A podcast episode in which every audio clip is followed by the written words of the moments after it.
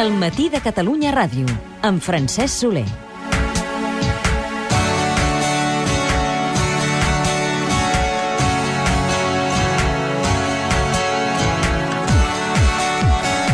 Dos minuts i un quart d'onze del matí.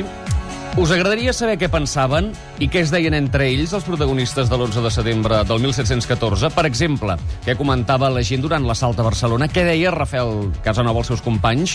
Doncs encara que sembli impossible, aquest 11 de setembre ho podrem saber i ho sabrem via Twitter. Atenció, forta, Laia. Sí, sí que ho és.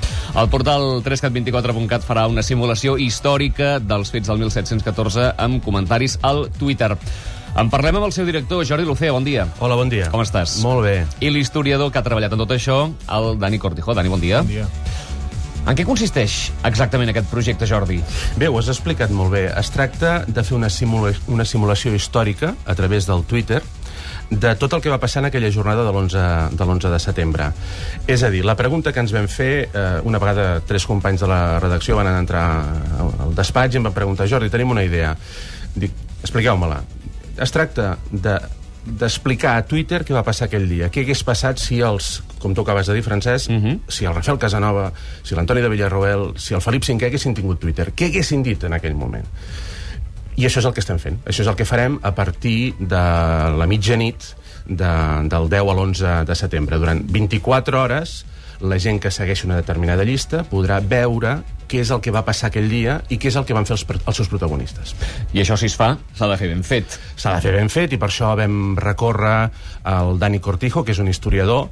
A ell no li agrada que li digui un historiador jove, però jo vull dir-ho perquè és un historiador jove, molt competent, eh, és especialista en la història de Barcelona, té un bestseller que s'està venent moltíssim, que és Històries de la història de Barcelona. És una persona que coneix molt bé què va passar perquè es dedica professionalment a fer tours per, per Barcelona i explicar a la gent què va passar aquell dia i els hi fa recorreguts històrics. I a més a més és una persona que està molt involucrada amb les noves tecnologies, amb internet, té un blog, eh, és molt actiu amb, amb, amb, amb Twitter, és un d'aquells historiadors que pensa, contràriament al que, al que, al que pensaven els antics historiadors, que la història s'ha d'explicar, i s'ha d'explicar eh, a la gent, no es pot guardar la informació en els calaixos, en les biblioteques, en els arxius, i per això vam triar-lo amb ell. Per tant, historiador jove, molt avançat en les noves tecnologies, el perfil ideal. Mm. Quan el Jordi fa aquesta proposta, què penses? Primer, doncs, fa molta il·lusió, a més és una responsabilitat molt gran, però després vaig pensar que com a col·lectiu els historiadors era l'oportunitat que teníem de estudis que s'han fet durant desenes d'anys i que estan actualitzats, doncs, poder-los abocar en un lloc com és la xarxa, que arriba a tothom i, a més, amb una marca no, que seria una marca potent que és la de la corporació. Aleshores, eh, el que vaig pensar és el que seria una injustícia és no comptar amb aquesta gent que ha estat tants anys estudiant això. I aleshores el que els vaig proposar és que nosaltres intentéssim eh, tenir l'assessorament de les millors persones que han estudiat això. Tenim gent com en García Espuche, que ha estat 30 anys estudiant com es vivia al Born, o, per exemple, l'Agustí Coberro, que és qui ha fet les principals publicacions sobre aquest tema, o fins i tot les il·lustracions, els perfils, mm -hmm. que són d'un il·lustrador, en Fraser Riart, que ha estudiat fins i tot els botons i els colors que portava cada regiment. Els tòpics diuen que els periodistes sempre busquem el titular, que simplifiquem, que som a vegades molt superficials a l'hora de tractar les informacions. Els historiadors més aviat us diuen que pequeu del contrari, d'enrolar-vos com una persiana, Sí. d'omplir omplir pàgines i pàgines i pàgines. Clar, Twitter són 140 caràcters. Sí. Això és un repte. Sí, és un repte. I jo crec que realment és el repte que ens toca als historiadors, que hem de saber que els llibres, perquè arribin a la població, o tots els estudis, que no pots fer és unes, uns llibres enormes amb uns peus de pàgina i amb, amb frases subordinades. Hem de saber explicar la història, igual que ara mateix una revolta àrab, uh -huh. la gent s'ho està explicant a Twitter amb, amb 140 caràcters, també ho farien així si hi hagués Twitter el 1714, que ja és una concessió bastant gran.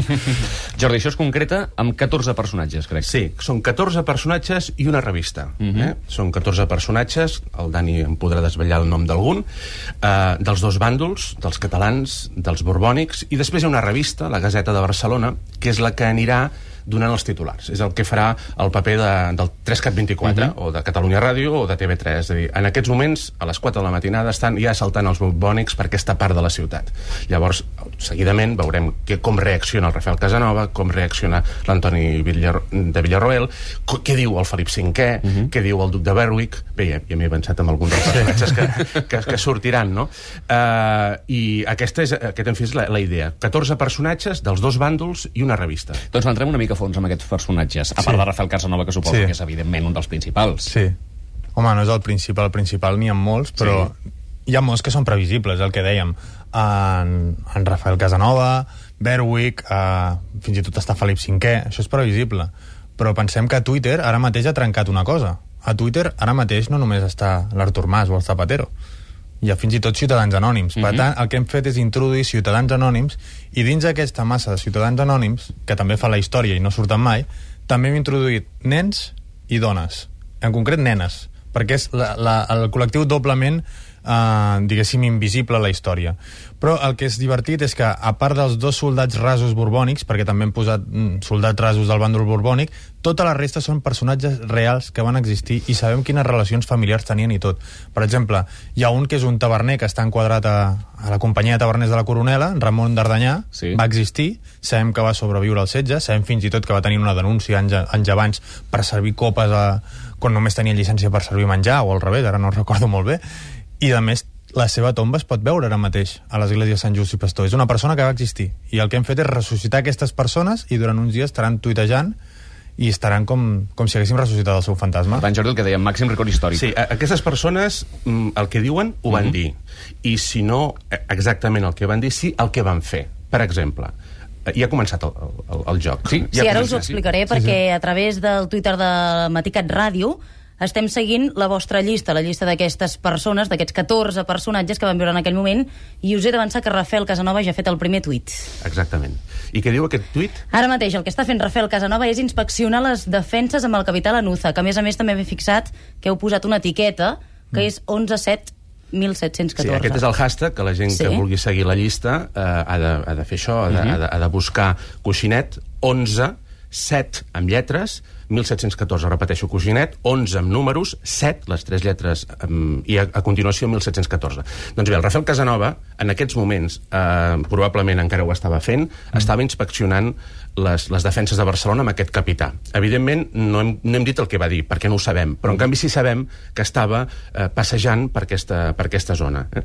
Això és molt important. Hi ha un rigor històric eh, absolut, absolut. Penseu que tots aquests tuits, que seran més de 300, eh, entre 300 i 350, uh -huh. han estat revisats per tots aquests especialistes en història moderna, en història del 1714, i tots ens han dit, endavant, que tot el que esteu dient és absolutament veritat.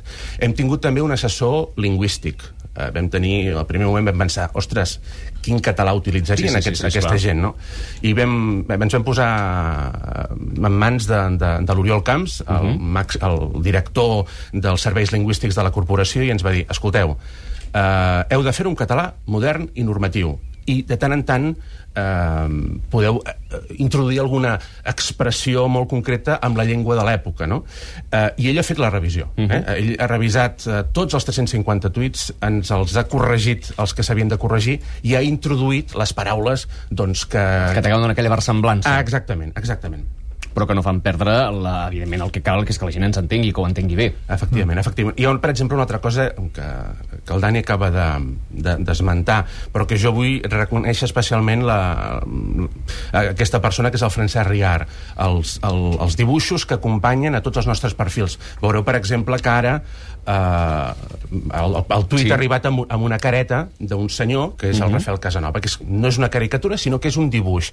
Bé, el Francesc Riar és el dibuixant del 1714. És la persona que més ha estudiat tots els uniformes, com anava vestida la gent, és una persona que ha remenat arxius, ha anat a veure les factures dels sastres, per veure la gent, eh, qui, qui, com eren els botons.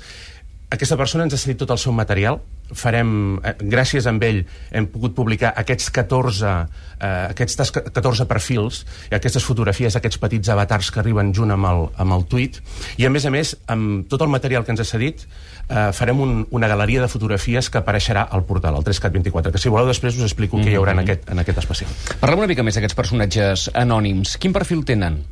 Doncs depèn. Eh, hem agafat una mica eh, representació del bàndol austriacista.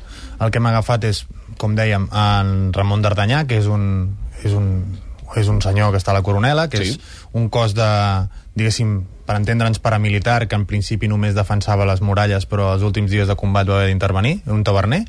Després un fuseller de muntanya, que és en Josep Coll, hi ha un Josep Coll a les llistes dels fusellers de muntanya, no està inventat, tampoc.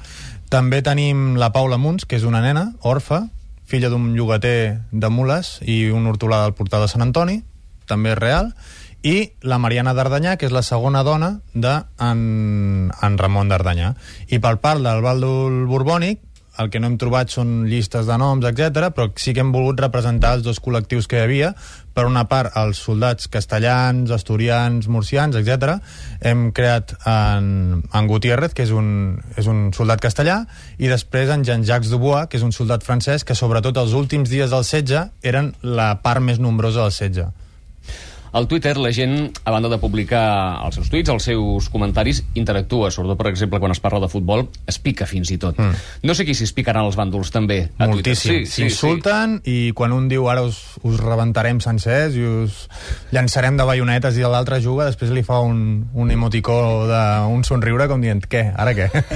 Coses d'aquestes. Jordi, com ho hem de fer llavors per seguir-ho? Quina informació podem trobar? De quina manera hi podem accedir? Bé, uh, ja dic, ha començat a, perdó, a, Sí. a rajar. El Rafael Casanovas ja ha parlat. Tots els nostres tuits aniran acompanyats per aquest hashtag. Mm -hmm. Nosaltres ara aquest matí, per exemple, el 3cat24.cat ja ha començat a retuitejar-los. Les 23.000 persones que ens estan seguint ja rebran mm -hmm. aquest primer tuit. I des del matí de Catalunya Ràdio, atenció, eh, perquè Déu-n'hi-do, pell de gallina, acabo de retuitejar Rafael Casanova, poca broma, eh? Això ho podràs explicar als teus Sí, fills. exacte. Doncs hauran de seguir aquesta llista. Hi ha una segona part, que és el que nosaltres publicarem a l'especial. Uh -huh. L'11 de setembre expli ho explicarem tot al, al, al 3cat24.cat. Ho explicarem abans, uh -huh. uns dies abans, perquè la gent vegi exactament en la seva globalitat de, de què es tracta aquest projecte. Molt- La gent que ens està escoltant en aquests moments, doncs probablement ja s'ha fet la idea de què es tracta, què ha de fer, però molta gent haurà rebut eh, avui aquest, aquest tuit carai, el, qui, qui és aquest Rafael Casanova que està inspeccionant no?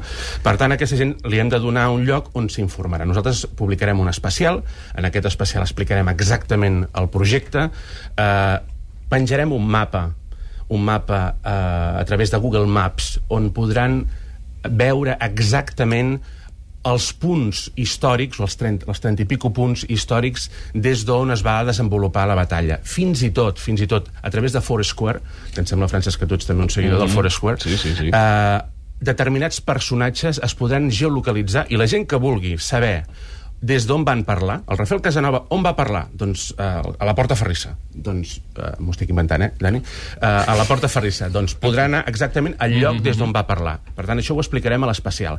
Hi haurà eh, diversos articles d'historiadors el, com els que he anomenat. l'Àngel Casas que, que ens explicarà eh, si no recordo exacte, ens explicarà les causes i les conseqüències del 1714 l'Albert García Espuche que explicarà la vida quotidiana, és molt important és molt divertida la vida quotidiana d'aquella època diuen els historiadors que ara s'està canviant una miqueta la, la visió que es tenia d'aquella època Mhm. és, és molt interessant veure què, estava passant i com era la gent d'aquella època i l'Agustí Alcoberro que ens explicarà la sal. També hi haurà un article que acompanyarà el, que farà el Dani Cortijo que es, explicarà els criteris, per què hem fet això? Eh, quins personatges hem triat? Per què els hem, per què els hem triat, etc etc. i després hi haurà també un article de l'Oriol Camps en què els explicarà mm, els criteris lingüístics que es van utilitzar i hi haurà un making of hi haurà un making of perquè la gent en, en vídeo, uh -huh. uh, un making of d'uns 5 minuts aproximadament que han fet uns companys de TV3 de, del portal de notícies eh, la Marta Carnicer i el Guillem Prieto que eh, explicarà doncs, com va néixer aquest projecte i com s'ha anat desenvolupant eh?